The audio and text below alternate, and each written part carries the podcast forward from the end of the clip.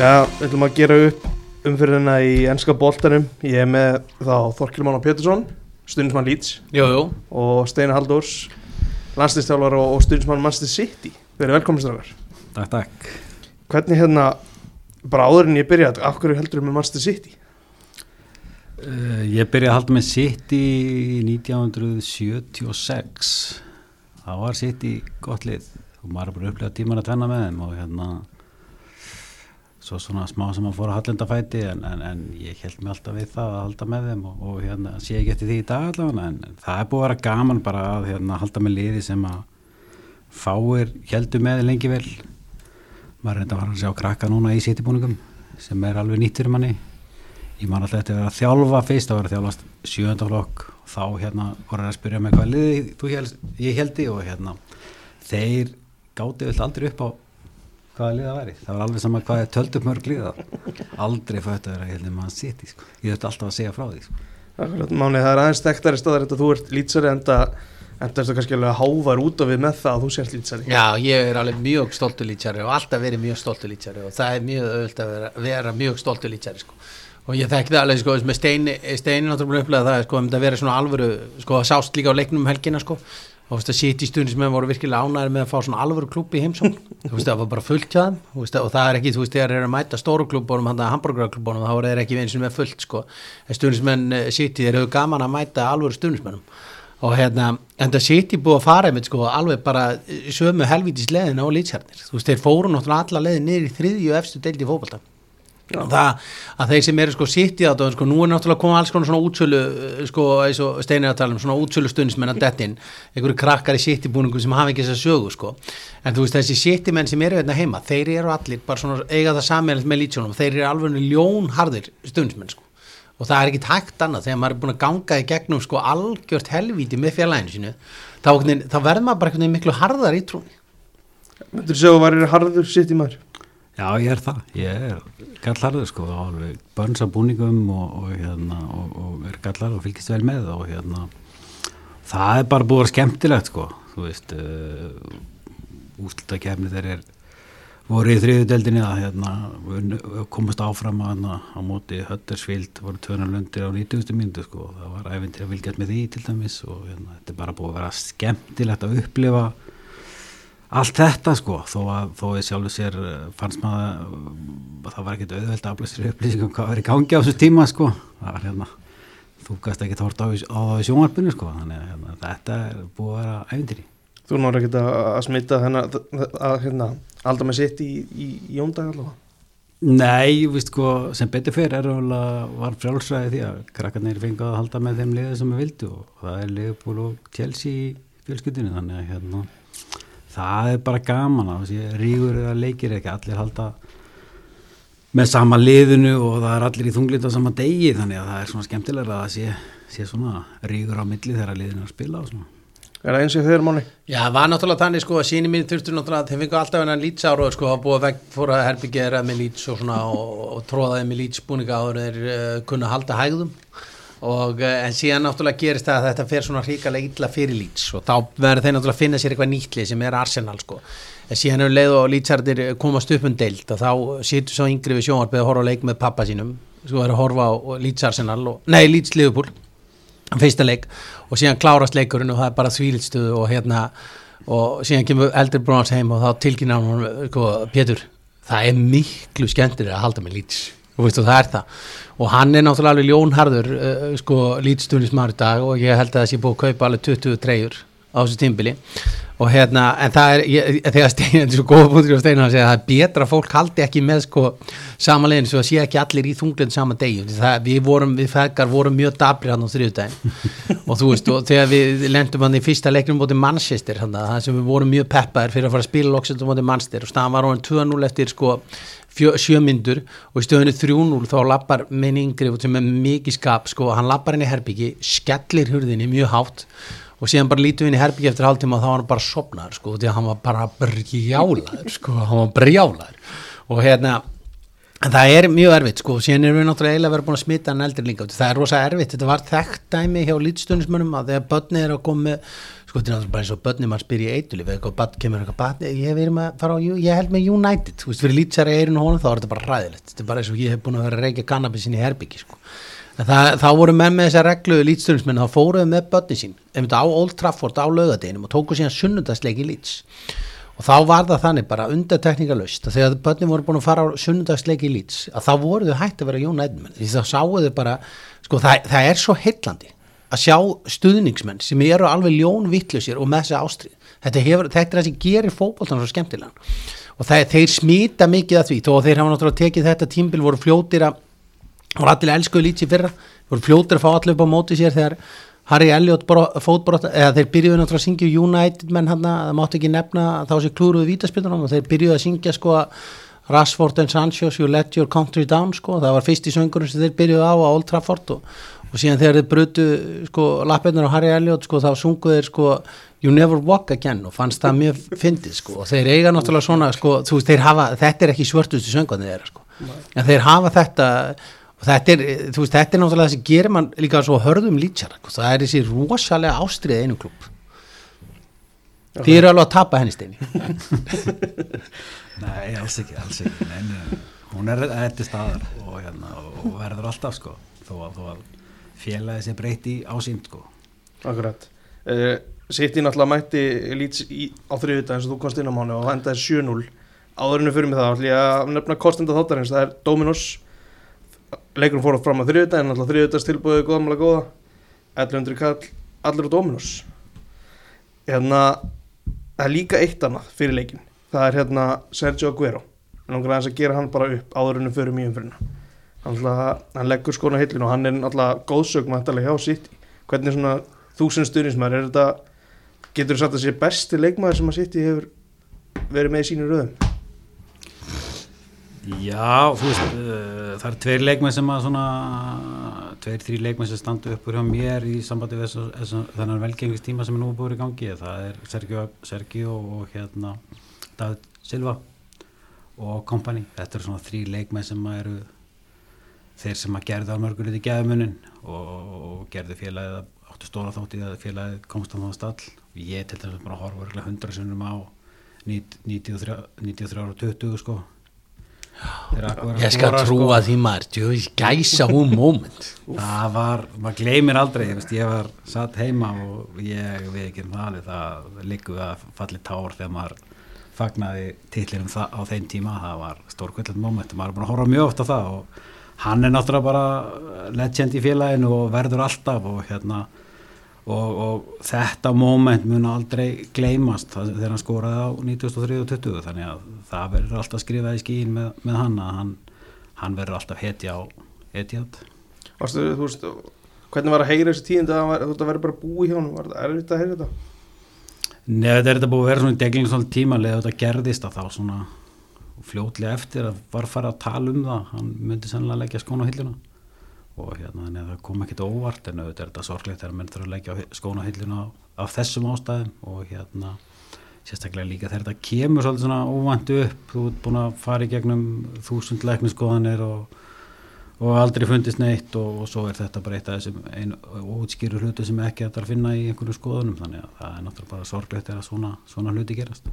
Góðan skoðun á Aguero Máni? Já, ég bara, var, maður var alltaf mikill aðgóðra maður, maður held alltaf með honum sko, hann var bara, er skemmtileg típa og hann skoraði náttúrulega alveg ótrúlegt marka mögnum, sko, mörgum sko, og síðan er náttúrulega mjög auðvelt fyrir okkur lýtsarana að sko að vera aðeins meira með sko City, eh, sko við erum alveg til í það, þú veist, Guardiola talar ekki eins um neitt eins og Bielsa, þú veist, og síðan náttúrulega og keirir upp sína hugmyndafræði svolítið tekið frá honum og hérna og hérna, og City er líka bara svo einhvern veginn svo hlutlust hann bara sko eh, enda þú veist, ég, þú nefnir náttúrulega gleymir náttúrulega einu manni í þessar upptalningu sem er náttúrulega James Milner.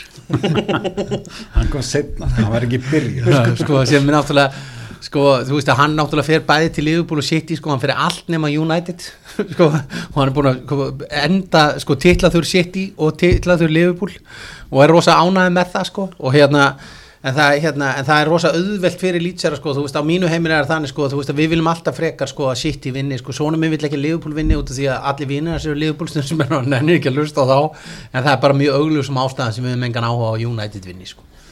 Þannig að þetta er eh, já, það Aguero er bara, er bara drullu svalun áhengi sko. það er bara það að segja neitt annað. Akkurat, það þurfti engan það þurfti engan framherja til þess að skora sjömörka á þriðudaginn steini, hvernig var að horfa á þetta?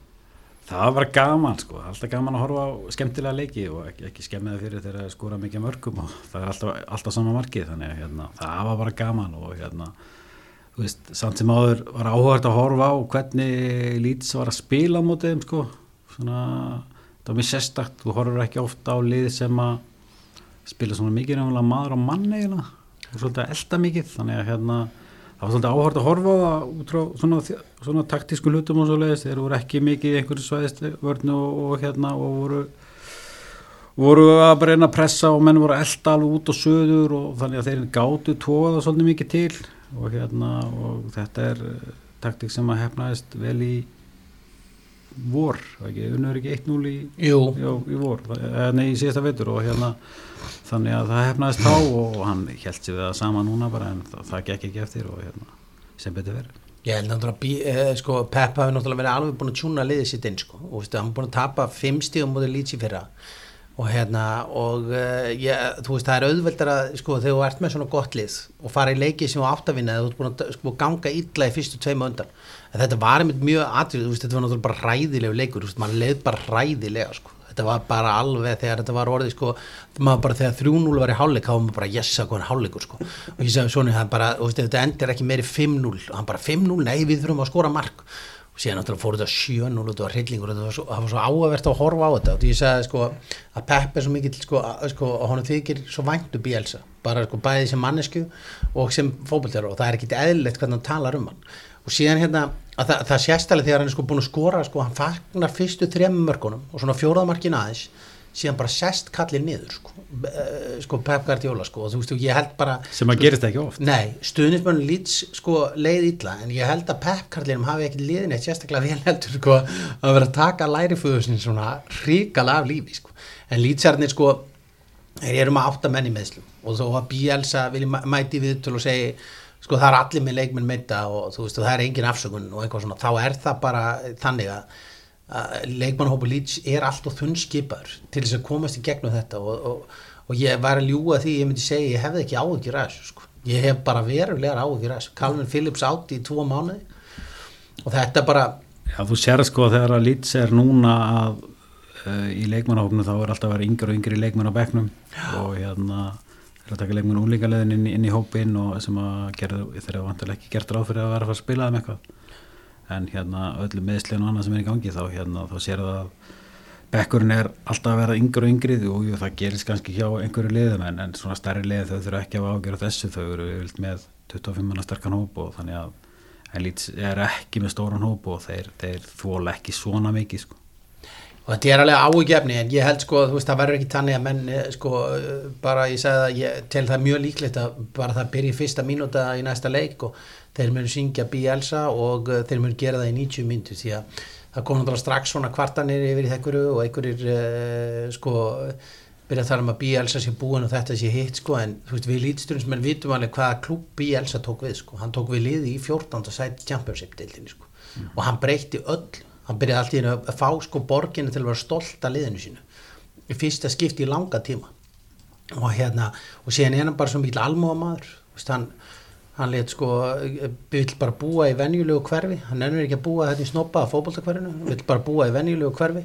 Og síðan vildi hann sko hjóla á æfingar helst. Og, og, og hann náttúrulega var búin að villast þetta í 15 sinum þegar þeir ákveðu að, að teikna línu frá húsinas allarlega vænan drótt sko. Þannig að það vissur hann allir hvað hann byggi og sko, og, sko hann er sko fyrir þeim og hann fyrir bara út í búð og vestlar skiljum með fólkinu og og leta hann náttúrulega tína röstl fyrstu æfingur sem Jú, jú. í, í, þrjá og halva tíma sem við myndum skilja það hvað það kostaði hvernig einasta stuðningsmann að koma inn á völlin en það var líka skilabóðin sem voru rauninu líkið því var einhvern hluta að menn myndu sko átta sig á því að það væri eðlilegt að hann myndi láta sko vinna þrjá og halva tíma á dag. Þú veist það bara, herðu, bara ef þetta fólk þarf að vinna þrjá og halva tíma til að koma og horfa einhver spila fókbalta þá getur þið unnið sko.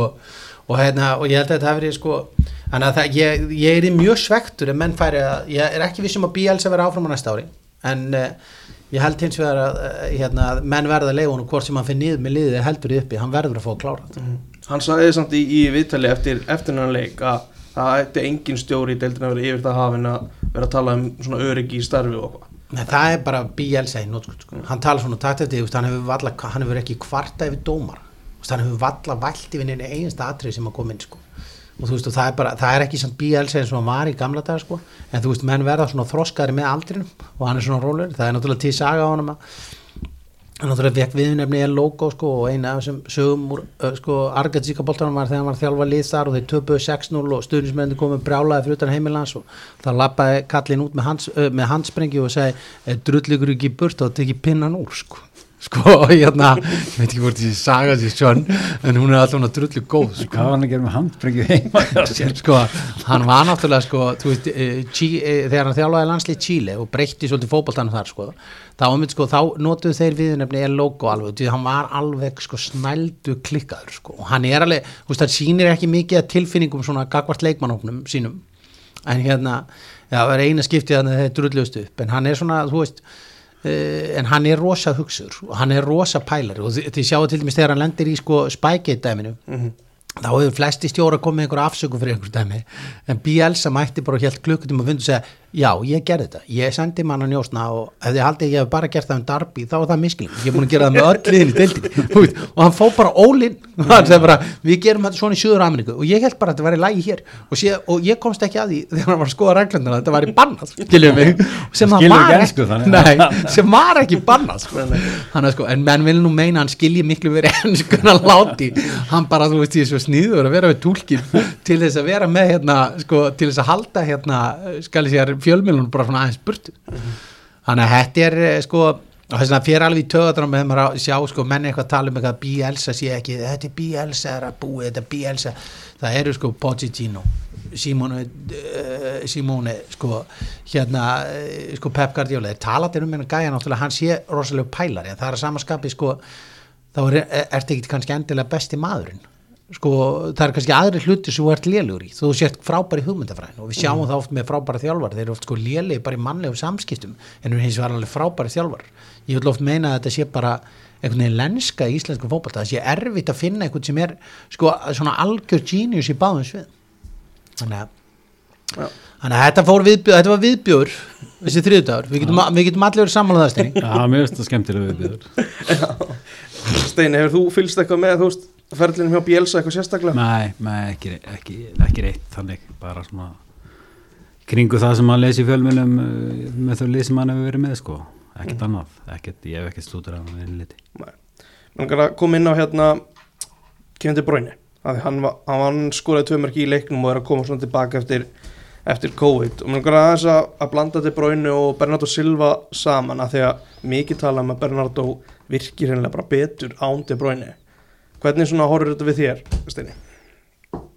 Ég er þetta skil ekki alveg þá umræðu vegna þess að Bernardo Silva eh, hefur heiltið verið mjög góð með sitt í allan tíman þó hann hefur verið að blómstra kannski meira núna eða verið meira áberandi núna þá hérna þá er það bara þá er ekkert þetta kvart yfir spilamennsku hans þó að De Bruyne hafi verið í liðinu veist, það, er, veist, það er bara ofta tíðan meira fjölmila sem að búa til hæpi kringu hvernig einstakleik fyrir sig.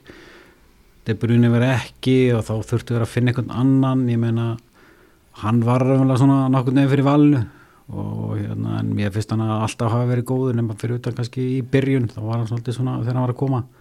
Tók að smá tíma að hann á áttum en hérna en síðan hefur hann bara verið góður hann er yfirleitt alltaf góður í stóri leikjunum það er svona, hann er svona le leikmaður sem að elskar að spila stóra leiki og elskar að spila mútið leifból og hérna já, og hérna þannig að það er svona, hann, hans eigileikar eru bara, hann er uh, leikmaður þó að sem lítill og léttur og allt það og gríðarlega yfirferða á honum og góðu varnalega og, og, og náttúrulega frábæð sóknamaður líka og skapa færi og skora og allt það. Þannig að hann hefur kannski verið meira svona áberandi í því að búa til og skora núna af því að De Bruyne var frá og búin að vera mikið myndur þannig að þá þarf alltaf einhver annar að taka við svona stóra hlutverkinu en, en, en, en heilti verið að bara verið góð fyrir sitt í all tíma sko. mm -hmm. Skildur þú húr já, vantalega ekki með þetta þess að sögur í sumar hann væri mögulega útlið komið þetta óvart?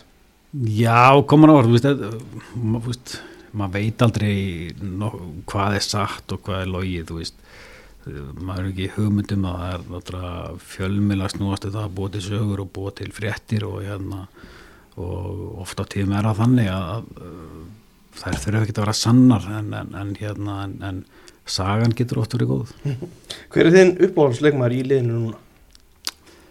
Uh, ég á í sjálf sér ég er ekkert þannig ég sé eitthvað svona uppáhars leikmenn endilega sko ég, ég, er, ég er ekkert svona eitthvað svona típa sem að bara finnst þessi alltaf bestur eitthvað svo leiðis en, en svona eins og ég sagði áðan með Aguero og, og, og hérna Kompany og, og Silva þá voru þetta svona leikmenn sem hafa veist rosalega gaman að, að sjá og hafa.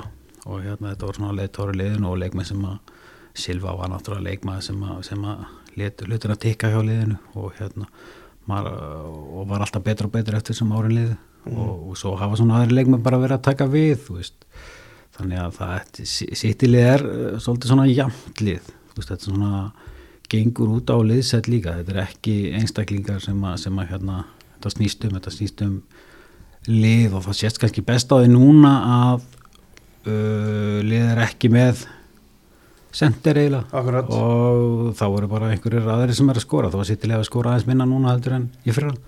Að þá hérna eru bara margir sem koma þar að og margir sem er að skapa og margir sem er að skora þannig að það er ekkert háðum beint sko þó að það er alltaf gott að hafa einhvern sem skorar 30 mörg sko Mhm. en, en hérna, það er ekki háðum hinga til sko en, en, en vonandi fá þeir góðan sendir í janúar eða í sumar sko Já, þeir, sko, með- með- ég hef upplegum sko, með Pep svolítið svipa og BL sem þetta hann er ekki til í að kaupa hvert sem er sko. og hann kemur, það kemur um svona upp að, sko, að hann fara á eftir Holland eða hann fara á eftir sko, Kane. Það er bara út í að hann vill bara fá alvöru strækir. Hann ennir ekkit vera að kaupa eitthvað eh, sem bara passar ekki inn í þá hugmyndir sem hann vil kera fókbalt á. Og, hérna, og, og, og, þeir komast alveg léttilega upp með að vera strækirlausir. Það er bara engin þeir hafa gert það hinga til og svona ágætlega. Þannig að hérna, það er ekkert að hvort yfir árangum á spilameskunum núna en, en, hérna, en til lengstíma þar er nú alltaf betra að hafa eitthvað góðan sem er góður í að pota, pota mörgum inn svo náttúrulega meiðist þannig Torres líka þannig að hann var nú fann að skora svolítið fyrir þá. Þannig að hérna, það er leikmenn hafa verið að svona, þessi, það dreifst svolítið mikið á hópin og, og liðið hefur verið að fungera bara vel með það að hafa svona dreifingu á markaskorun. Hann var náttúrulega ekki, hafa verið að spila með falska nýju og þú veist þegar var margi verið að í sendernum eða átt að vera svona fölsk nýja, þú veist það hefur verið Sterling, það hefur verið hérna Torres var þarna og svo hafa, þú veist, Jesus hefur reyndar vildi vera þetta á hægri kanti núna en hérna, þú veist, svo hefur Mares og það hefur, veist, það hefur margi verið í þessari stöðu, sko, fóten hefur líka verið þarna. Grílis Já, alls konar þannig að það er bara, bara eftir BH og alltaf verið að breyta þér umverulega sko. aðeins út í, í, í Leeds eða aðeins, ég ætla að það er nokkru punktar sem ég er með. Daniel James, kemur alltaf frá Manchester United og eðlilega er svona fjallaðins um hann út af því Hva, hvernig finnst þér hann hafa komið svona inn í Leeds? Sko, hann hefur komið allt í lægin, veist, það er ekki, sko, það- sko vinnuð eða sem gæði, sko, það var ástæða fyrir því að BLC vildi kaupa hennar gæði þegar hann var í Championship-dildinni og þau voru tilbúin að borga alveg óheimið mikið pening fyrir hann. Og þú veist, og þegar eh, ég bara minni það, sko, sko knaspit, hérna, hann Viktor sem er yfir knaspitumálmanna, hann tók hann hérna Eddie Ankachi, eða hvað heitir hann, ég man ekki eins og hvað hann heitir, sko, og fannst það frábær hugmynd frá Arsenal meðan, sko, meðan BLC fannst Ben White vera góð hugmynd, sko, og það er alveg auglustlega hægt að sjá hvort það er rétt fyrir sér þar. Og það virðist þeirra sama með Dan uh, James sko, og ég hef sko ég hef fulla trú á hann, hann er bara lendi í þeirri stöðu sko, hann er lendi inn í strækjörnum sem er ekkit staða sem hann á endilega verið að spila. Og hérna, en ég held að sko ef við náum að halda okkur uppi, sem við vonum bara 7, 9, 13 og allt það að þá held ég að sko hann á eftir að vaksa meira. Hann hefur þannig að móti sér hins vegar sko að það er engin þólimaði fyrir því að hann geri ekki vel út af því hann náttúrulega kemur frá United þó að það hafi ekkert verið hans hugmynd að fara til United Nei, nei. en þá eru lýtsjarnir bara þannig þú veist, þeir voru með miðjumann á láni frá Manchester United á sínu tíma í næstefstild og hann spilaði alla leiki og, og það var alveg sama, hann, hann var í hvítu búning og allt og þegar hann fekk boltan hann bauluð bara stundismenn á hann sko. Þú veist, þetta var bara svo þótti þetta ekki vera málið sko. En Leeds var búin að kaupa það ekki Við vorum- Það var eiginlega bara að ganga frá því þegar það slitnaði hann, sko, strákur að mættur bara klukkan 11 um morgunin og hann býður bara á að er búin að fara í lækniskoðun og allt samþygt og hann er bara á leiðinni brosandi deyrum. Þeir taka mynda á honum sem sagt semast með búningin og að það er bara allt tilbúð það er bara verið að býða eftir svaxinu, faxinu frá Svonsi klukkan verið átta, þeir hætta að svara í síman þeir svara ekki í síman í fjóra klukkutíma og hann býður hérna uh, dagan greið og, og, og síðan bara þurfa að koma til hans á miðinu til herra og segja bara herra önur þetta bara gekk ekki gegn, þú þarf bara að fara heim. Og hann bara náttúrulega verður mjög svektur þannig að hann, ég held að hann hafi hoppað á tækifærið að koma til Leeds. Út af því hann vissi það að munurinn þar með að við kannski á United. Þar varstu með knaspendustjóra og félag sem hafði ofur trú á hann en þú veist að borga 28 miljónir fyrir hann finnst manni helviti mikið. En það er náttúrulega bara þú veist að, að ég held að United menn hafa vita að Leeds langaði mjög mikið í hann sko. en það er alveg þannig að ég veldi fyrir mig finnst leikmannamál hjá Leeds vera í miklum ólestri mikið að þessu sem ég kefti hann svo ég segi það bara alveg svo er það var ég ekkit alveg að hoppa hæðminn í loftu yfir sumum hlutum hann sko. Það er eitt leikmaður sem ég langar að spyrja sem var líka keftur í sumar. Junior Firp, Já, hvað finnst þér um hann? Junior Firpo er ekki búin að gera raskat, það verður alveg að segjast alveg svo er, en það kemur svona moment það sem sko, það kemur og þá skilum það komur svona moment, þessi þegar við skorum sko annar markið á móti Chelsea til dæmis og annað, að, og það komur svona moment þess að maður kemur upp með boltan og þá fattar maður já þetta er ástæðan fyrir að hann var keiftur kannski er að einhverju leiti erfitt að dæma það þessar nýju leikmenn sem er að koma. Út af því að þeir hafa raun og veru ekki fengið að spila með sama leikmannhóp og lýts voru með í fyrra. Og þú veist og það hefur ekki fengið að rútinast liðið alveg eins og mann hefði kannski viljað. Og, hérna, og ég held að, hérna, að það, það er kannski erfitt að dæma þess að vill ég ekki alveg dæma fyrrbó strax og hendunum í ruslið. En hérna að þetta er, þú veist, það er svona leikmenn sem maður hefði búist við, sko, hefði átt erfiðar uppdráttar í deildinu sem hafa kannski samt betur staðið sig, sko, eins og Eiling sko, sem hefur einhvern veginn náðaplumma sig og hérna, og Dallas einhverju leiti og þannig að það átt ræðilega leik líka. Mm -hmm. og síðan Klitsch líka, þú veist ég er nú eiginlega svolítið ósámála mönnum þegar að tala um hann, sko, síðan hefur hann að vissu rosa trú á Tyler Roberts, en lítstundismenn hafa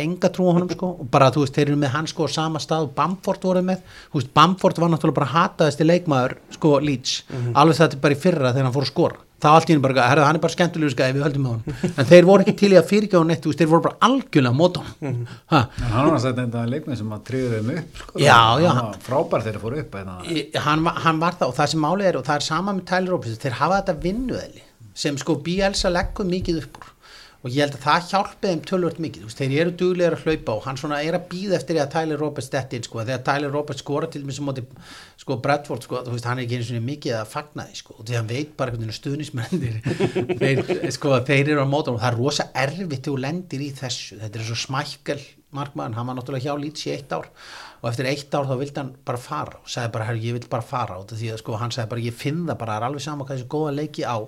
Stuðnis með lýts, bara þeir hata mig. Bara út í að pappi minni Pítur Smækkel sko, þú veist og það var þannig bara, þú veist, þeir voru bara ekki til í þetta, hann varði kannski tíu bólta þessi kom eitt bólta fór í neti og hann var bara stöngin inn, það var það bara honum að kenna sko, þú veist, þeir, þeir eru náttúrulega ekki alveg sko, ekki alveg sangjandi með suma hluti en þetta og veist, ég veit ekki, maður verður að vona það verður mjög áhægvert að sjá hvernig lið við erum að fara að stilla upp mútið Arsenal mm -hmm. þú veist, ég, Dan James er dottin út líka og þú veist, og er í banni og það eru fjóri að fimmleik menn sko, einu spjaldi frá banni þú veist, þetta verður mjög áhægverðar hátíðar sko. ég er svona einhvern veginn að vona bara að COVID komi stert inn í Breitlandi núna og sem leikjum verður fresta um helgina Ef þú fengir að velja eitt leikmann sem að lýtsmyndu kaupa, hver var það?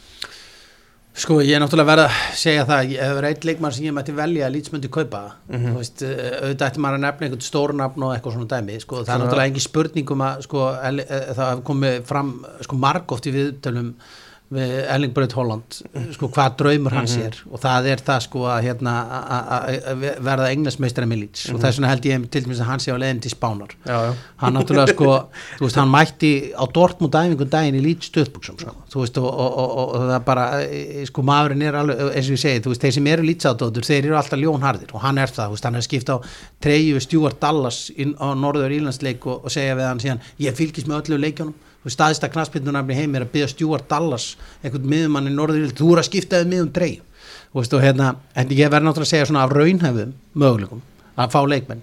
Þá held ég til dæmis að ég myndi bara vilja fá James Milner heim. Bæði mm. út af því ég held að það myndi sko að fengjum hann til dæmis í januar þá held ég bæði að þessi reynsla sem hann kemur með fyrir þessi yngri leikmenn. Því hann kemur bara upp úr þessu dæmi. Hann veit hvað er að spila fyrir Leeds.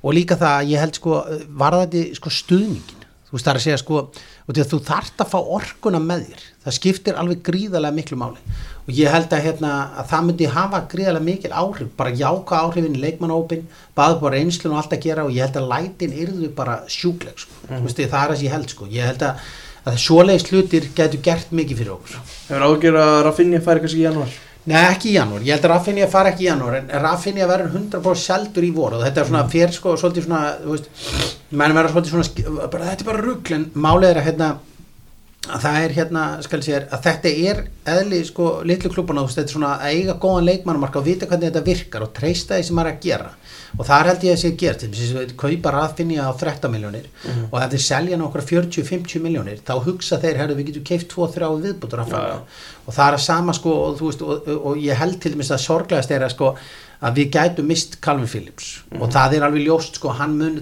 bara, það er bara tveir klúpar svona á Englandi sem komið til greina fyrir honum. Og það verður annarkvæmt að fara til Liverpool eða City hann fer ekki, sko, hann er alveg búin að segja það þú veist að reynslan af þessari brott fyrir Alan Smith var kent honum það að hann get ekki farið þangað sko, og hann veit að bara, þú veist að sko Ammans uh, myndi uh, sko bylta sér í gröfinni og, og, og, for, og fóreldrars myndi ekki tala við hann sko, hann er alveg búin að gefa það til kynna. Mikil ástriða Já, það er ekki bara það, það er líka bara og mér finnst þetta svo skrítið oft sko, því að eins og með þessar leikmenn, þú veist hvað er flakk á milli, þú veist, maður hugsaður oft eins og með Van Persie sem fór til Manchester United sko, að þú veist, hann hendi legacyinu sínu hjá Arsenal í burtu fyrir einn englasmeistratill, þú veist, það var ekki meiri það.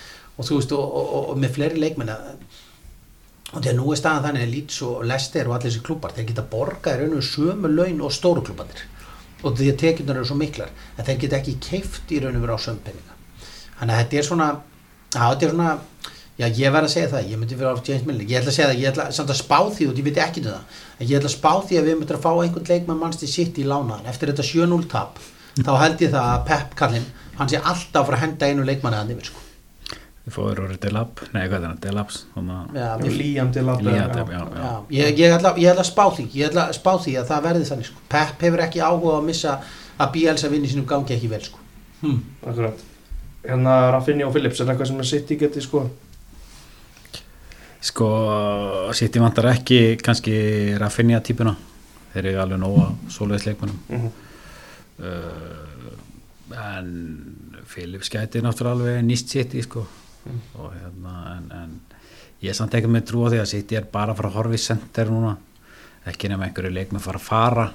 Og hérna þannig að ég held að það sé ekkert, ekkert hérna ég hef ekki trú á því sko að hérna þeir sé að fara í að kaupa Philips það kostar örgulega 100 miljónum punta sko þannig að ég held að sé ekki að fara í annan englending á þeim prís sko. Ég veist að Philips er alltaf að fara á okkur 80-100 miljónum það er eitthvað svolítið þannig að hérna, ég held að þessi ekki að fara í það sko, ég held að þessi eði frekar 100 miljónum punta í sender sko, ég held að það sé Pæli, nokkuð ljóst sko en svo náttúrulega bara þessi, þessi, þessi, þessi peningamál og Harry Kane og góðin upp í 110-20 miljónum punta 29 ára gammal sko, þetta er bara bull.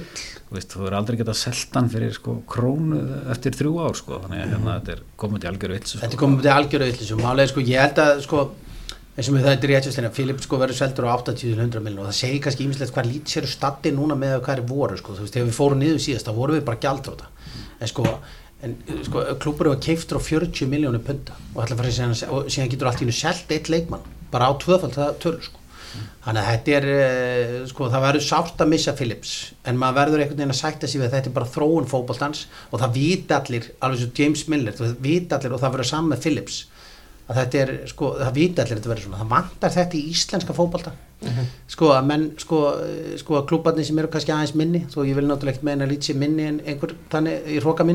ég að þeir sko átti sig, þú veist að því að leikmennin er að fara langt sem eru lokal leikmenn utan að landi eða hvað sem er, í einhver liði í efstu deild eða næst efstu deild eða hvað sem er að þeir sko, þeir eru samt sko hjarta er að týlir í þessum klúb uppriðnin hverfur aldrei sko. upprýni Þú- hverfur aldrei og þú verður alltaf stoltur sko að hérna, af, þú veist að þessi leikmaður frá Söðakróki og þessi leikmaður frá Dalvík hann gerði þetta og, og, og fóröldri getur benda séðu hvað hann var að gera eða ja, hann, er, hann er frá Söðakróki eins og þú. Mm. og, þú veist, og þú getur alltaf selt þetta en þetta, ég er hérna að tala undir rós með að segja það að þú veist við verðum að fara að leifa U23 árlið í deildakefni á Íslandi. Já.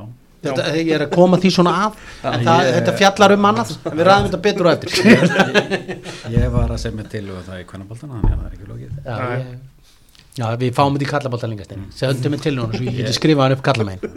Ég er búin að senda hana inn til stjórnum þannig að það er ekki lókið áhugavert. Uh, hérna Lítsar voru, þeir voru kærðir fyrir hegðunina eftir vita, setna viti á móti Chelsea. Já, tapa hann í upp á tíma.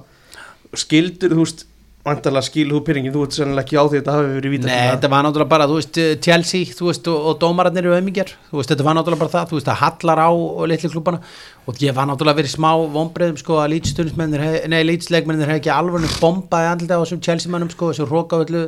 Chelsea gerpum hann og hérna, og ég verði að segja, þú veist, það einu sem ég horfði á var bara, shit, hvað mér laka til því að þeir koma á Erland Rót, sko, það verður, sko þú veist, þeir lýtsarðin hata náttúrulega Chelsea líta, líka sko.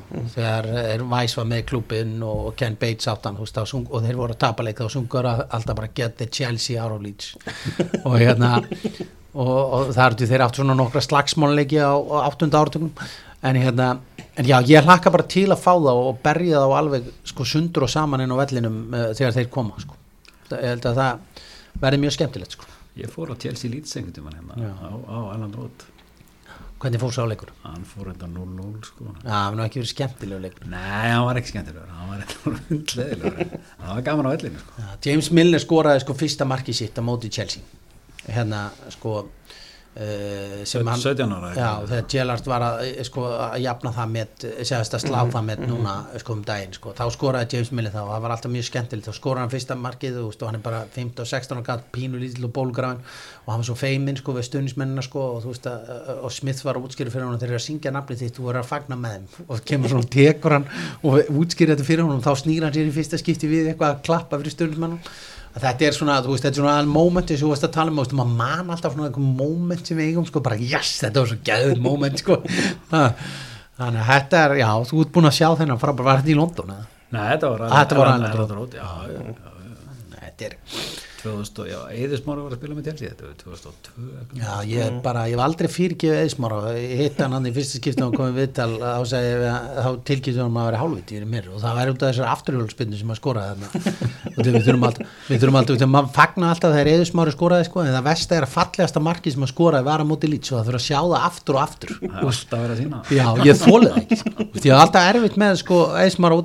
Það er alltaf í, í, í hinleikin sem var spilaðar á þriðudaginn Norvits 0, Astonvilla 2 ég ger ekki ráð fyrir að, að þið hafi séð mikið af þessum leik en Gerard er að byrja virkilega vel og hann er að vinna alla leiki í rauninni sem hann ætti að eiga möguleiki að vinna. Hann er bara búin að tapa móti Leopold og City síðan hann tók við. Er, þú veist, er Gerard að fara að koma þeim í einhverja Evrópu bara til það? Nei, ég held ekki sko.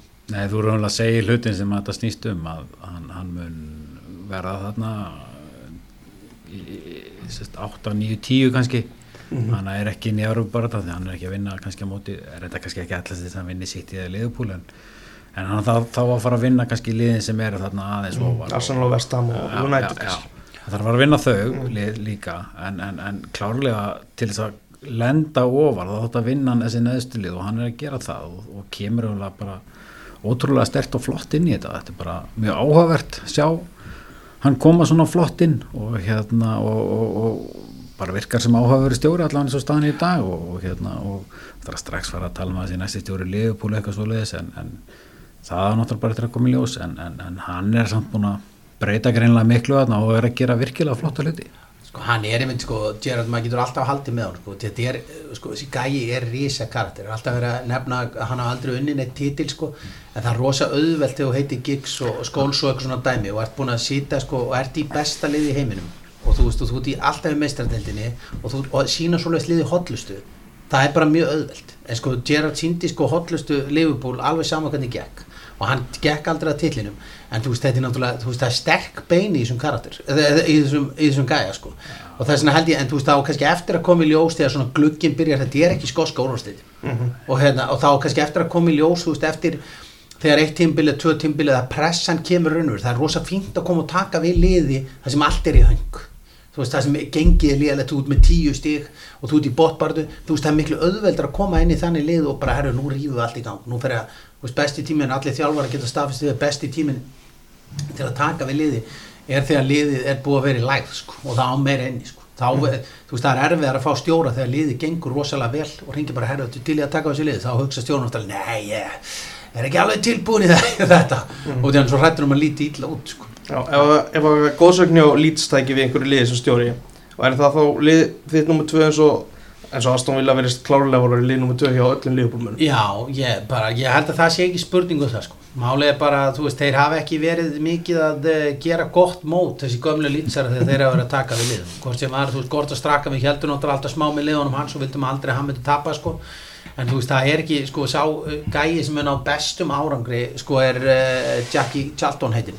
Þegar hann var míska landslið, að hérna, að uh, það var svona, þú veist, að það er svona besta sem hefur verið. Annars hefur lýtsurum bara ekki gengið vel í stjórastólum, því miður. Og ég er ekki, ekki að sjá neitt lýtsara fara í stjórastölu sko. David Batty náttúrulega mætir ekki á fókbaltaleiki hann bara hatar fókbalta sko, hann mæti bara þegar það eru minningarleikar í leikinu Gary Speed það er eina skipt sem hann mæti basically. og hérna og ég sé það bara ekki veist, ég, ég hefði trúið kannski að Radebi hefði farið þjálfun en hann gerði það ekki sko en hérna ég bara, þess að ég segi, ég bara sé ekki neitt lýtsar að alltaf fara í, í þjálfun. Mm. svona einhvern svona kandat í það Fyrir mig yfir á miðugudaginn Wools vinnur Brighton eitthvað, ég var svona að horfa á helst úr leiknum og með við það þá var það klálega klálega hérna sangjart sigur. Úlfarnir er að gera bara hörku vel eftir að hafa byrjað svona, svona rosalega óspennandi skoruð ekki neitt. En núna er þeir allavega að farnir að vinna og vinna kannski bara 1-0 Já það er bara nóg. Já. það er bara nóg að vinna 1-0 og það, það er sem þeir hafa þeir náttúrulega búin að vera lengt deilt í lenginu þannig að þeir eru búin að taka nokkra klukka og búin að búa til þéttan hóp.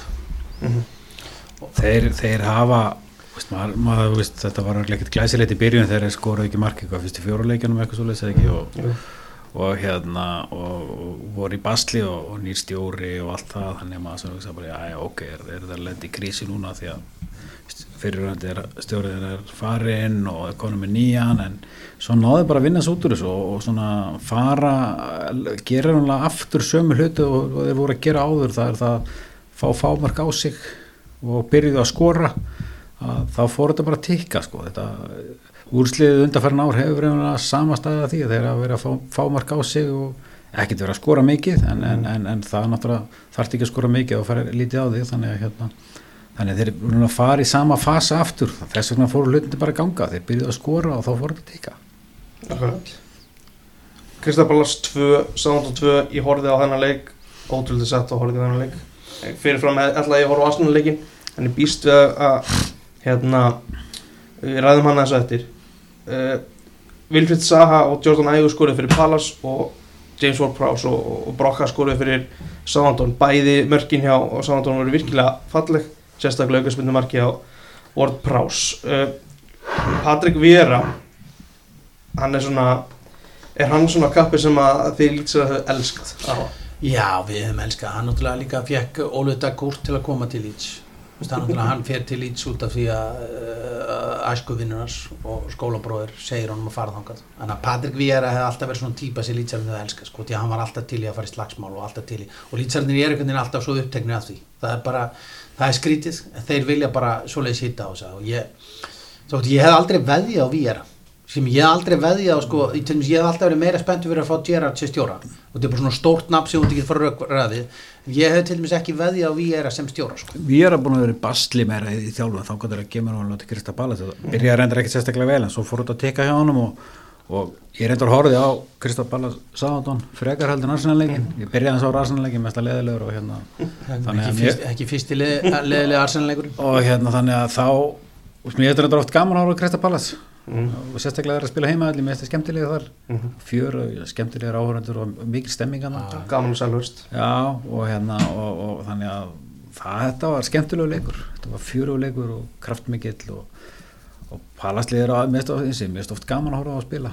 Og hérna við erum að virtu að bara ná ná að láta vilna tikka og þeir eru bara orðir orðin bara trulli segir. Og, hérna, og, og, og geta unnir um hvaða lið sem er. En þeir náttúrulega geta líka svo sem alveg tapa fyrir hvað sem er, þeir hafa verið sínt það sko. Þannig að hérna en, en, en hann hefur samt náðu meiri stöðu líka það núna heldur en heldur en þetta var í leit út í byrjun. Hann var í mhm. basliðan í byrjun og unni ekki leiki og, en leiður unni fyrsta leikina. Þá fannst mér þetta svona bara fóruð þetta bara að tikka hægt og rólega og, og hlutið þetta bara ganga, ganga þokkarlega vel og þeir verða þarna einhverstaðar bara í þessu 14 14. Mm -hmm. sætinu eitthvað svo leið sko, verði eitthvað þar sem er vantalega bara ásettanur árangu fyrir þá held ég heilt yfir en menn skoða alla en menn lítið út frá, lítið út frá bara peningarlið og annað hvað, hvað liðið kostar og, og hvað er lagt í þetta þá held ég að það sé alveg ásættanlegt fyrir það mm -hmm. Máni, ég finna á þér að þú því langar að tala þessum Arsenal þú er, ert ekki alltaf hrifin af Arsenal? Já, sko, máli, ég er náttúrulega hrifin af Arsenal. Ég er náttúrulega búin að fala á, sko, í úrvasteðleiki þá er ég búin að fara flesta leiki með Arsenal. Mm. veist, það er bara út af því að strákurinn pröfurinn er mikill Arsenal maður Mm. og hann er, við erum svona erum að ná honum yfir, veist, hann, hann er svona ég held með báðum, en eh, sko, hann er náttúrulega ótrúlega jafnækjur, en einu sinni sín tilfinningar í Arsenal tapaði leik og það var þegar þeir töpuðu þarna Birmingham Arsenal töpuðu þarna deildabæk Já. það var eina skipt sem ég segja svona, hann var svona alveg við það að fara að gráta smá sko, hann hefur verið frá til jörða en sko, en annars hefur hann sko, hann er sem betur fyrir eðlegasti fjölskyldumennur minni fjölskyldu og halda með þessu liði og síðan er ekki þetta rökra við hann þegar ég er að segja við hann sko, benda honum á þetta sé lélegt sko. þetta er bara Arsenal eru og þess vegna ég get alveg sagt, veist, ég held alveg smá með Arsenal, Ok, þú veist, ég vill ok. alveg þeim gangi vel, út af því bara sonurinn heldur með þeim og maður er búin að þurfa að fylgjast með þeim allir að að þess vegna, þú veist, ég er bara Arteta er bara alls ekki búin að samfara minn veist, málega er Arsenal var einhvern veginn þannig að þegar þeir voru að tapa leikjum eins og með vengar, þá var það þannig að maður upplið, veng, þeir gáttu skoraði hver einustu sókn en þeir gáttu líka fengið á sig mark í hver einustu sókn sem þeir fengu á sig. Og þeir voru að spila, maður sá alveg identity Arsenal. Mm. þú veist, það var, þeir voru bara með identity þeir voru bara að spila flotta fótbolta, bolti rúlaði og það var alltaf svona eitthvað aksjón í gangi. Veist, það var alltaf gaman að horfa. Núna, þá er þetta bara og eins og þú sagði Steini, þú veist, þú horfður á þennan leik frekar en Arsenal leiki, það er rosa skrítið. En þú veist, við erum komið þangað. Arsenal er að spila mjög leðilega fótbolta. Svo hún vil meina að þetta sé út af því að Arteta sé bara svona þjálfa þetta upp og þetta er eftir að verða hraðara. En ég er bara ekki að sjá þetta verði hraðara. Hann er búin að vera þarna núna í tvö ár. Það er samt búin að stígandi Þeir eru búin að Stíga- þeir eru að ná í Já, úrslit. Þeir eru að ná í úslit núna þetta er- sem að þeir ekki, hafa ekki verið að gera undanfæri undanfærin ár. Þeir eru búin að ná í úslit núna síðislega tvo mánuði sem að, sem að hérna, þetta er leiðilegt það er sem nei, þetta er ekki mikið að mörgum. Nei, þetta er samt sem og þetta er engin flugveldasýning Nei, nei, þetta er samt sem að þetta er betra, það er ekkert að segja annað en að liðið er búið að tikka miklu betur. Þetta er búið, búið, hann er búin að ná í úslit núna í síðlega, ekki tveir mánuður eitthvað svoleið sem að þeir hafa bara verið að spila vel heilt Mhm. Já, yfir þeir og hafa verið að það taka hefur hjálpað en líka náttúrulega þeir eru ekki í Európa-gefni og annað og þannig að þeir eru ekki í þessu stressi þar þannig að hann hefur kannski haft lengri tíma inn á einhversæðinu til að fara í hluti og, og það er lengra milli leikja þannig að það er svona verið þetta finnbúsa hluti betur og mér veist að svona kom betri bragur á þá. Þú veist, varnarleikurinn er orðin stöðu varnarleikurinn var náttúrulega skelvilegu hjá þeim og svo náttúrulega eftir að skiptum markmann og þá lagast þetta nú það heldur er bara hellinga, þessi Leno og einhver lélegasti markmaður bara deildarannar, þú veist, ég bara skil ekki bara, þú veist, það er bara heilu leikinn sem fóru töðunar á mér að horfa hann. Og síðan náttúrulega þegar hann tekur bæðið og markmaður líka karatir Já, flottur bara sko. Ég hafði ekki mikla trúa þegar ég kipta hann sko. Ég það bara ekki, hvað, allir að kaupa jú, jú, ok, það var að kaupa markmann um tvö. Maður var alltaf betur, myndi kaupa eitthvað stóran eitthvað sterkan karakter í markið og skipta lena út sko, og það bara, nei, allir er bara bara fyrir að kaupa markmann um tvö þarna, þú veist, bara til hvers? Okkur er þeir ekki bara að kaupa eitthvað stóran karakter í markið og skipta lena út en hann náttúrulega bara var fljótur að slá hann út vegna þess að lena náttúrulega er bara ekkert sérstakur sko. Nei, og hann, líka, hann er líka sko, hann kemur með eitthvað svona sem maður kannski er búin að sakna í Arsenal, þegar maður hefur fundist þér oft svona að vera bara flatar típur í sig gær að hann er bara svona alvöru típa, hann er náttúrulega breyti og þú, honum finnst, fyrir honum sko er bara hjúts að spila fyrir Arsenal. Og hann er greinlega bara ótrúlega gladur og finnst gaman að vera komið þarna. Og ég held að það sé kannski eitthvað sko, leiðin sem Arsenal ætti kannski fara meira í. Síðan að við verðum að segja að þú veist, þið taka náttúrulega Ben White líka. Sem ég held að hafi verið alveg ótrúlega góð kaup þú veist að hérna hann er bara, hann er híkalega góðu leikmaður. Hann er alveg saman hvað menn horfa á sko að menn bara hafa eitthvað smá vita á fótbolta þá, uh, já, þeir þurfa nú kannski að hafa tvalsjótt í dán en sko, ég náttúrulega vissi ekki hvaða leikmaður þetta var fyrir hann að byrja að spila með lít og það var bara ótrúlegt að sjá hann. Sko, hérna þeir hafa alveg gert vel í svona hlutum. Sko þessi leikmann kaupir kannski að koma en mér finnst þetta ennþá vera of þunglamalegt. Og sé að fyrir Arteta bara í töðunar því hann er vælandi yfir öll þú veist, hann stendur einhvern veginn alltaf á hliðalínu alltaf að heimta, þú veist, þegar klopp alltaf ráðast á hann hann um daginn, þú veist, það var alveg ástæða fyrir því, því hann stendur Arteta og er að heimta rauðspjöld á alla og þetta, þetta er svo leiðilegt. Ég held að sko ég held að Arsenal eh, sko eigi skili svona betri sko heiðusmann heldur en Arteta. Ég veit Steini náttúrulega, ég er að fatta Steini náttúrulega heldur smáðast með hann þetta er einhver svona gæði sko. Nei, hann var bara stórt yfir að sitja í og það, ég held ekki að tanni með hann sko. Ekki, sko. ég veist að svolítið vera að kópiera Guardiola hann er bara svo miklu Þú veist, það er bara ekki hægt að bera það ef þú horfður á spila þá er svona margt sem eru að gera er copy-paste finnst manni sko Já, já. Í hlutum, í svona ákveðnum hlutum í leiknum sem er að reyna að gera nákvæmlega eins og En, en heldur það sé þá kannski það sem er að klikka? Ég man sko Pep Guardiola sagði sko, hann sagði ég get ekki gert hlutin eins og Bielsa. Og þegar það getur enginn gert hlutin eins og Bielsa og þá finnur hann sína formúla að þessu. Og e, sko, en er það kannski það sem er vandamáli Arteta, hann er svona vill vera eitthvað Guardiola en hann finnur ekki svona, er kannski ennþá að reyna að finna sína leið. Já, hann er kannski að finna sitt identity þannig að hérna, það tekur alltaf eitthvað tíma. Hann er náttúrulega fyrsta gigja þannig að hann er náttúrulega bara að byrja sér stjóri og, og hann er náttúrulega að byrja hjá svona stórum klubbi sem að hérna, sem að þú, sem að þú krefst þess að þú náir árangur og það er ekkert draumur en endilega að lendi þerri stöðu að þú takir svona stóran klúb að þér og þetta er, þú ert að byrja þinn fer og þú ert að búa þér til þína hugmyndafræði og það tekur alltaf einhver tíma að ná áttum í því og, og skapa þitt svona identity í öllu þessu og það er bara það sem við erum að gerast hjá hann hægt og rólega og, og kannski þú veist, það sem hefur gerst að mistökum varn, í vörninu hefur fækkað og, og, þeir að fá færri mark á sig hluta til út á markmanni en líka hvernig þeir spila. Þú veist, þeir eru ekki að yfirspila sjálfa á sig heldur. Nei, nei. þeir eru svona aðeins varðin að ná betri tökum á því sem hann vil gera. En, en, en veist, þannig að það er ekkit það er ekkit auðvelt sem stjóri að byrja í starfi á svona stórum klúpi og hérna og, og, og, og ætla að hérna bara meika það alveg þvílík strax. Þetta var ákveðna áætta sem Arsenal tekum með að ráða, Já, já, það þeir, er þeir, gerðu það, er engi spurning sko. og síðan hefur hann kannski, þú veist, að vera að gefa um það sko. hann hefur tekið á opið á mig um áli og, þórað að gera það og samt ekki mist leikmann opinn, hann er búin að vinna tvo leiki síðan hann hendur honum út sko. og það verður að gefa hann það og kannski, þú veist og ég vill alveg bara að Arsenal í meistratildina það er ekki spurning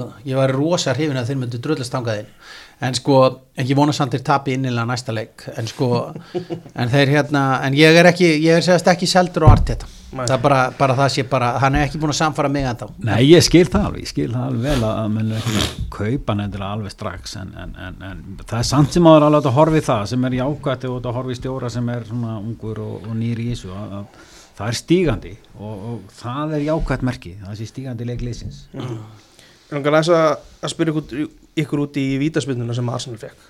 Þá Kúfa alverist fara í boltan og svo í Lagasett og fær guldspjald þar með raukt. Lagasett vissulega klúra vítinu það er rauðaspjaldi sem að mér finnst svona svolítið skrítið að því að hann fer í boltan og svo í mannin. Er þetta, þú veist, er þið með eitthvað skoðun á þessum dóm? Ég, ég veit það ekki, þú veist, uh, þú mátt náttúrulega ekkert fara í mannin þú snerti boltan, þannig að hann svolítið yfirtakla boltan líka, þannig að, en, að ég veit ekki, maður veist, maður er að nennir ekki orðið að spá í dóma vegna þess að við erum konum með var sem að hefur breytt leiknu þannig en ef að leikmaður er snerturinn að teik og hann lætur sér detta þá er dóma, dómur til dæmis aldrei dregin tilbaka vegna þess að snertingin þó að öllu eðlulegu ætti þessi tiltekna snerting ekki að valda þess að leikmaður detti heldur hann ákveður að detta. Þá er samt sem það er alltaf dómur átti standa. Þarna var náttúrulega svo sem hann gæti ekkert staðið upp úr hann var náttúrulega neildur niður eftir að, að sparkaði boltan en að, ég veit ekki, þetta var, þetta var svona Mér finnst þetta- 50-50 Já, mér finnst þetta var bara að vera algjört kjafta, sko, þetta er eins og við áttum að fá sko vídeo á móti tóttina, bara augljóst lýtsarðin og sparka, Gerard sparka boltanum hann í hendina og eitthvað og það er bara boltin er á leiðin í markina fyrir hendina og það er dæmt sko ekki vídeo á það, en síðan sko í leiknum og eftir þá eru að spila Krista Palasa sem sko eitt leikum var skalla boltan og hann fyrir hendina á einhverjum sem er samt með hausin á milli og það er dæmt vídeo. Og maður er einhvern veginn bara, býtu hvaða reglur eru þetta? sko, sko, það skiptir einhver máli sko, þetta er sem er leikmenn leikmenn verður ekkit endilega betri þó henni meiri fyrir þá og gerir all, alls konar hluti fyrir þá dómar, slagu dómari verður ekkit góður við það að fá að horfa aðt ekki aftur sko. það er bara staðreind sko. Nei, nei, ég held þetta er að alveg sama með, með leikmenn að, hérna, veist, þetta eru hlutir sem að þeir verður ekkit endilega betri en lélegu dómari verður ekki góð þó hann horfi á atvikið aftur og aftur vegna þess að hann er slagur fyrir hann, þó hann horfi á atvikið þá hérna, hefur hann bara ekki skemmra á það að hlutur sé, sé, sé, sé svona sko. Þetta var búið að vera skára á þessu tímbili heldur en síðasta. Ja, miklu skóla miklu en þetta er samt alveg sko þetta er samt einhvern veginn, ég skil þetta ekki ennþá. Og þetta fer ennþá bara í töðunum það er líka þetta moment, þú skora mark, allir fagna lalala, það er brjálu stemning skora 93 myndu, þú veist og þú ert bara þetta er fucking moment. Mm. hugsaði bara 93-20 hugsaði bara að það hefur verið dæmt af út af var. Hugsaði bara í staðan fyrir að mistökin hefur fengið að ganga þá bara, herru, þetta er mark en við býðum aðeins. Það er einu hálf mínúta núna sem þarf að fara yfir í var. Hugsaður, hvað er búið að taka bara sko allt úr Momentið er dáið, já, sko. momentið er dáin. Og þú þarf að býða það til að það er sko góða 94-50 til að góða því að því rótni meistar og þetta er galið sko. þetta er þetta, þú fagnar í tíu sekundur svo ferða að horfa á skjá eða að horfa á dómaran og býður og býður og býður að er þetta ekki örgla mark, er þetta ekki örgla mark? Þetta er ræðilegt sko. Það er eitt svona, það er náttúrulega þrejum leikjum að fresta í þessum umferð. Já, Er, eru þeim einhver skoðum hvort að eigi, þú veist Þú náttúrulega vilt að að já hafa ég, ég vil frestað. það bara svona ein hagsmunir sem ég vil Já, það sko. En bara svona út frá bara áhor, þú veist, þú sem áhorandi og aðdáðandi deildarinnar. Myndir þú vilja fresta þess að félögin er ekki, þú veist, nokkur allt og mörgur leikjum á eftir og svoleiðis. Já, ne, sko málið, mér finnst bara reglan að vera þannig, hann er gott spilu við, veist, þessi, þessi liði eru alveg með sko 400 leikmenn á samningin, nánast sko, mm. þeir eiga þá bara að fara í yngra liði sitt og spila þeim, ég veit að vissi ekki hvernig reglunar eru nákvæmlega, þú veist, lít sér um átt að meita núna og þeir ekki, þeir þurfa að spila leik og þurfa að fara inn í hópið sín, en þú veist, ef United með átt að smita og bara, herðu, það er bara, þeir eru með kóð, það er bara, hérna, rosa slæmt, það er bara frá fresta leik, mér finnst þetta ekki, það er ekki samræmi í þessu sko. nei, mér finnst ekki vera Það- samræmi í það þessu. er nefnilega það, það sem er skrýtnast í þessu það að þú veist við getum talað um að það séu nokkur með COVID og þá er hugsanlegt að fresta en að samanskapi þegar leikmennir eru meittir að þá er ekkert að fresta þannig að þú veist það þarf að vera samræmi í aðgjörnum það þarf að vera nákvæm það skipur á þessu hvernig hún gerir hlutina þú getur ekki sko vegna þess að COVID og meðsli þetta er bara svipaða hlutu út frá í ákveðin tíma og svo getur þú byrjað aftur. Og hérna, þannig að þetta er bara nákvæmlega sami hluturinn. Ef, það, ef að deildin á að vera í gangi þá á bara reglan að vera svoleiðis að eftir, veist, ef þú ert því leið, þú veist, liðin sendin ákveðin leikmannalista, það er ákveðin hópur skráður og, og það er miða við það í einhverjum eins og júfareglunum, eða er það ekki 13 leikmenn Jú, án COVID að þá eigi að spila leikin þú veist, með þessi 25 manna hópar þar líka að, að hérna þá, eru 12 leikmenn frá.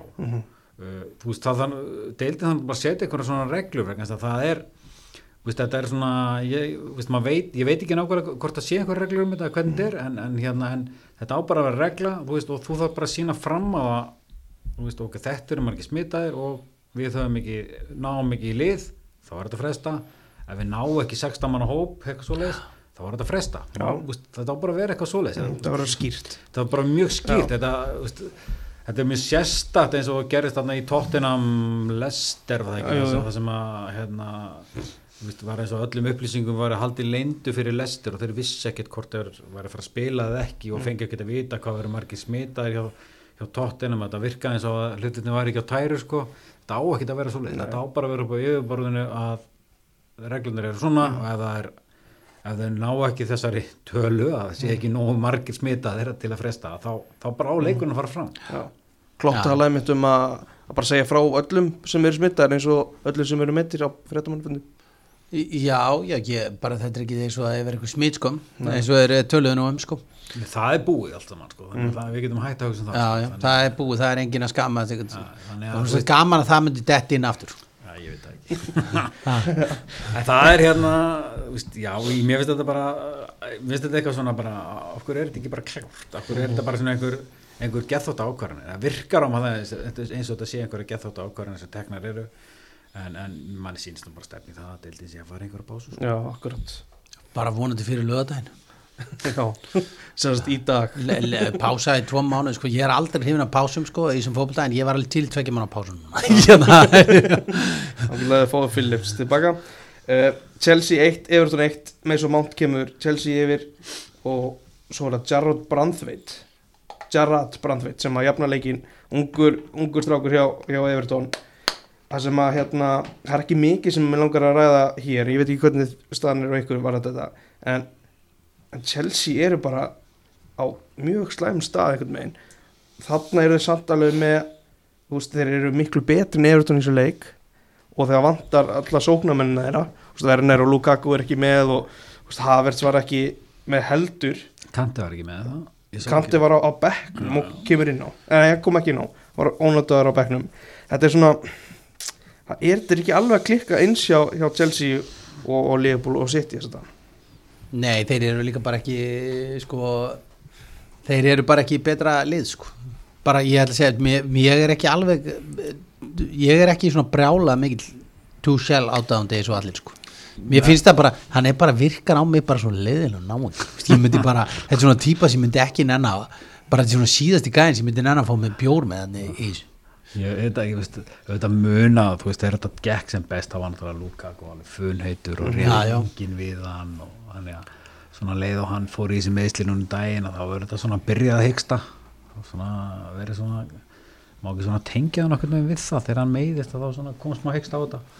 En Chelsea liðið er gríðarlega vel mannað en, en þetta náttúrulega er ef maður ætti að velja einhver tímapunkt svona sem að hlutin ætti að hætta að tikka hjá það, þá var þetta ágætist tímapunktur og svo eftir, svo svona um jólin og eftir áramóta þá má þetta fyrir gangja þér að það ætlar að vera að vinna titil að þá hérna er, það er betra að gera það núna heldur en í lokin að, lendi smá mótlæti og hérna, en er ekki Chelsea miklu bara þó, þó að Lukaku sé með, þá eru þau lélæri heldur að sitja á leifbúl Nei, ég, veist, þessi veist, mér finnst reynda að sitja á liðbúl bestu liðin, sko, en, en hérna, en ég- Chelsea er samt sem áður getur alveg. Já, held ég að fór til dæmis í hann, þá hafði ég alveg trúið að myndu ná í eitthvað, en í sittileiknum hafði ég ekki en heldur ekki fyrra í raun og veru sko ég vissi svona að þetta var svona, þetta var eina ég sem maður óttaðist var sitt í sko Já, en uh, þetta er Chelsea liðið gríðarlega vel mannað og hérna, en, en, en svo er náttúrulega bara hlutinir geta ekki fallið með þeir í einhver tíma og þá þarftu bara að koma þér í gang aftur, sko. Mhm. Everton náttúrulega þeir Crystal Palace og, ná í þetta svona karakter stiga móti Chelsea. En áður við förum í, í loka leikin sem er leikur Leopold og, og Newcastle þá með langaði með að spyrja þess út í bókina eina manni. Já, hvað getur- hana núna. Já, hvar getur fikið þessa bók og um hvað er hún? Það er, þú getur fengið hann í bónus, getur fengið hann út um allt. Hún er bara, hún er fyrst verið myndið fótboltæti, þetta er mjög góð bók fyrir fótboltamenn. Að hérna, hún fjallar náttúrulega er bara fyrir kallmenn, segi ég alltaf á aldrinu svona 15 þú veist, til 52 það fjallar bara um lífið og tilhöruna Ekki, það var ekki fyrir mig, sérst. Ég er 53, sko. Já, þú þú gæti mögulega sloppið sko. það var 1.54 sem sendi mér að hann hefði lesið hann og hann hefði sloppið þar sko. að það er spurning sko, hvað sko, er hægt að kenna sko, svona góðlum köllum mikið, veist, þeir eru yfirleitt búin að hlaupa alla þess að vekki, skiljum mig þeir eru otnið það gamlir en hérna, þetta er bara, veist, þetta er sjálfsambók fyrir kallmenn Mhm.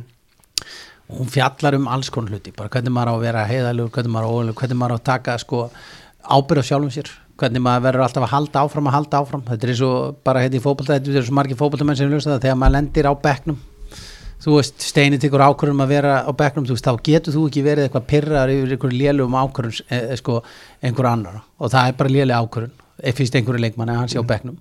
Og síðan verður líka bara að halda áfram. Þú veist, það þýðir ekki að vera að vorkenna sér og bara, og vera alltaf, vera alltaf upptekin af því sko að það sé bara hann hefur ekki trú á mér, hann er ekki þetta, hann er ekki þetta. Í staðan fyrir að hugsa, það er byrju, ég það kannski bara að vera betri. Ég þarf að, að að verða betri við sjáum þetta allt og mikið. Það sem menn hlaupa í burtu sko, frá því þegar kemur eitthvað smá mótleiti það er bara, við sjáum alltaf bara herru, já, ég er bara skiptu lið, getur fengið fund. Ég þarf að skiptu lið. Og eitthvað dæmi í staðan fyrir bara, herru, hvað þarf ég að gera hérna? Ég ætla að, að komast í þetta byrjunlið, hvað á ég að gera en þá kemur náttúrulega oft líka og verður að skamma þjálfur menn þeir geta að lesa þetta líka að það kemur að vera heiðalegur og þjálfar eru oft svo mikla gungur þeir þóra ekki að segja við leikmenn bara, þú þarf bara að vera betra standi þú ert bara að vera betri þessu, þessu og þessu og þessu. Og í staðan fyrir að senda leikmenn út með þessi skilabóð að þá kannski fara að gera þetta. Þannig að þessi bók er góð fyrir þjálfara og líka það sem spila fótbolta og upp á það að maður sé bara svona í lægi og það kemur þetta bara alls konar með reyði og, og tilfinningalif og markmið, þau eru náttúrulega mikið í fótboltanum og það er mikið það að, fótbo- að knaspindulið hér á landi kunni ekki setja sem markmið eða leikmenn. Og þeir halda bara að það sé nóg að taka blað og penna og skrifa bara markmið. Og það er svona klúraðar þeim oft. Eða þeir ná markmiðunum sín og uh, fara síðan bara að vera dabrir eftir þau þannig að þetta er, þetta er besta bókin á markaðanum í dag. Klárlega, það ekki. klálega Ég, ég ætla að lasa yfir hann áður en hún var svona sett upp og mér varst hún stór skemmtileg sko. Já, Ég hafði mjög gafna henni þetta er bara to Ég þorði ekki að kaupa hann eftir ég sá með 52, sko. Já, já. Þetta er sko Steini, þú voru að lesa þetta bók sko. Hérna, Steini, þú komst að inn á að Liverpool City séu bestu liðin Þú veist, þegar þú sér það ertu, ertu þannig að þú býður eftir að Liverpool misti í sig eða pælur ekkert í sem sittst um stundsmöður Nei, ég er ekki þannig að pæla í því sko. Þú veist, maður er rólegur yfir þessu þú veist, maður er ég veit að fyrsti titilni vannst hérna 2011 uh, nei 2012 að hérna þá var Jónat held ég með 8 stega fórustu þegar að fjóri leikjur eftir eitthvað Mhm, svoleiðis. það var eitthvað já.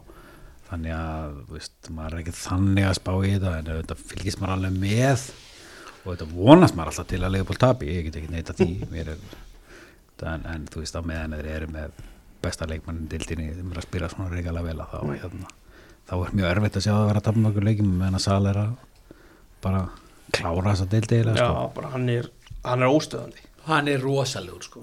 Hann er raun og veru alveg ótrúlegt fyrirbæri sko. Og það- sem, sem ég held satt mest upp á með Sala.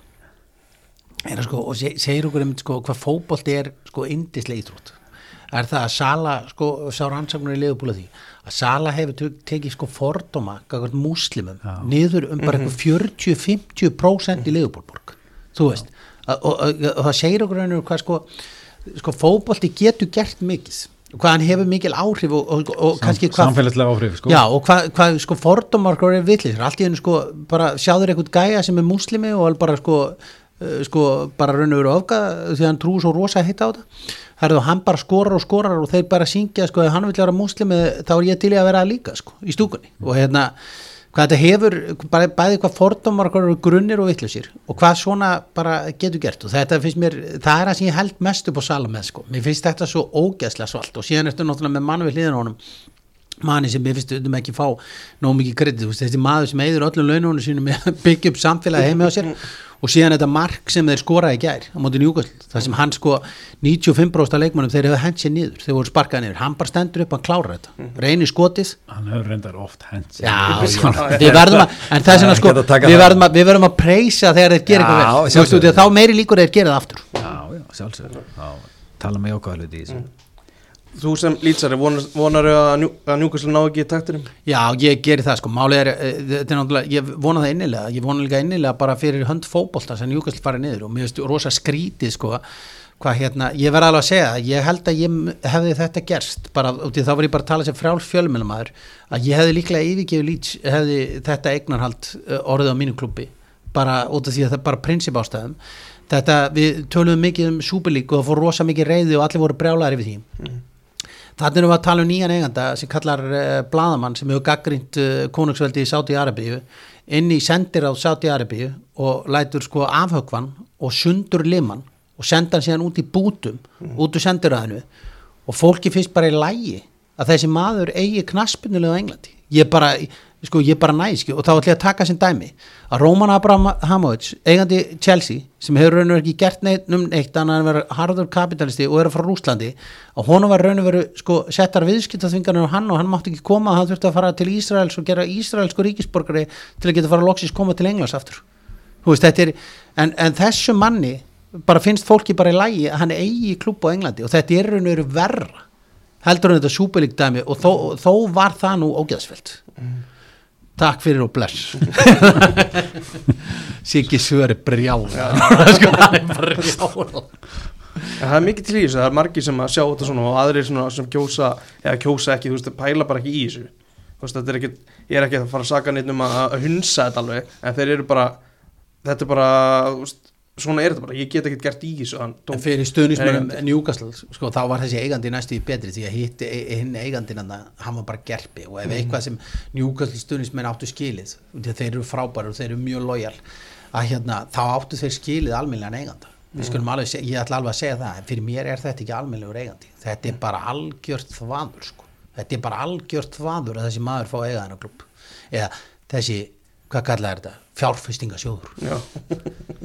Já. já, já. Ég held að það er eitthvað, þú veist, eitthvað Við þurfum náttúrulega að segja eitthvað umlötu um Manchester United ekki? Já, Mér finnst nú vá. getum ekki klárað þetta steini. Nei, ég finnst við- við eigum bara ekki að tala um við ætlum- Nei, ekki við tala erum um að láta eins og þeir séu ekki til. Það, ég, ég, Mér heyrist sko. Þetta er rétt hjá, við hefum að segja. Já, við erum búin að fara yfir öll í deilni það er eina sem að mér langar í raun að koma Steini kannski fældi gleðitár hérna 2011 á 93-20 2012 já. Ég var mjög reyður Ekki United? Já, já. Vá, reyð, þess vegna það vildi Þess vegna, því að hann stýrði umræðinu bara. Er ekki- ekki tala Hann um það, ekki sko. tala um það. Ég veit ekki hvað um að ræða um United. Ralfarinn hann er að gera ágættis hluti þarna en það áttur að koma í ljós hvernig það Ég held ég bara að United er bara leðilt lið og þetta er bara ömulegt drasl. Já, ég meina þú veist við erum ekki að spila við United erum ekki að spila í þessar umferð og ekki næstu bara út á COVID. Já, já. Þannig að ég veit ekki hvað að ræða nú Það er, kemur ekki óvart en það kemur mjög- verulega óvart ef eh, ég, ég, ég þekki ekki marga United stundum menn sem til dæmis bara þó sér um hendunar er búin á klóstur. Já, við endum þetta bara, þetta, þetta er mjög gott að enda þessu bara svona mánu Takk, takk fyrir kominu strákar. Takk, takk, kærlega.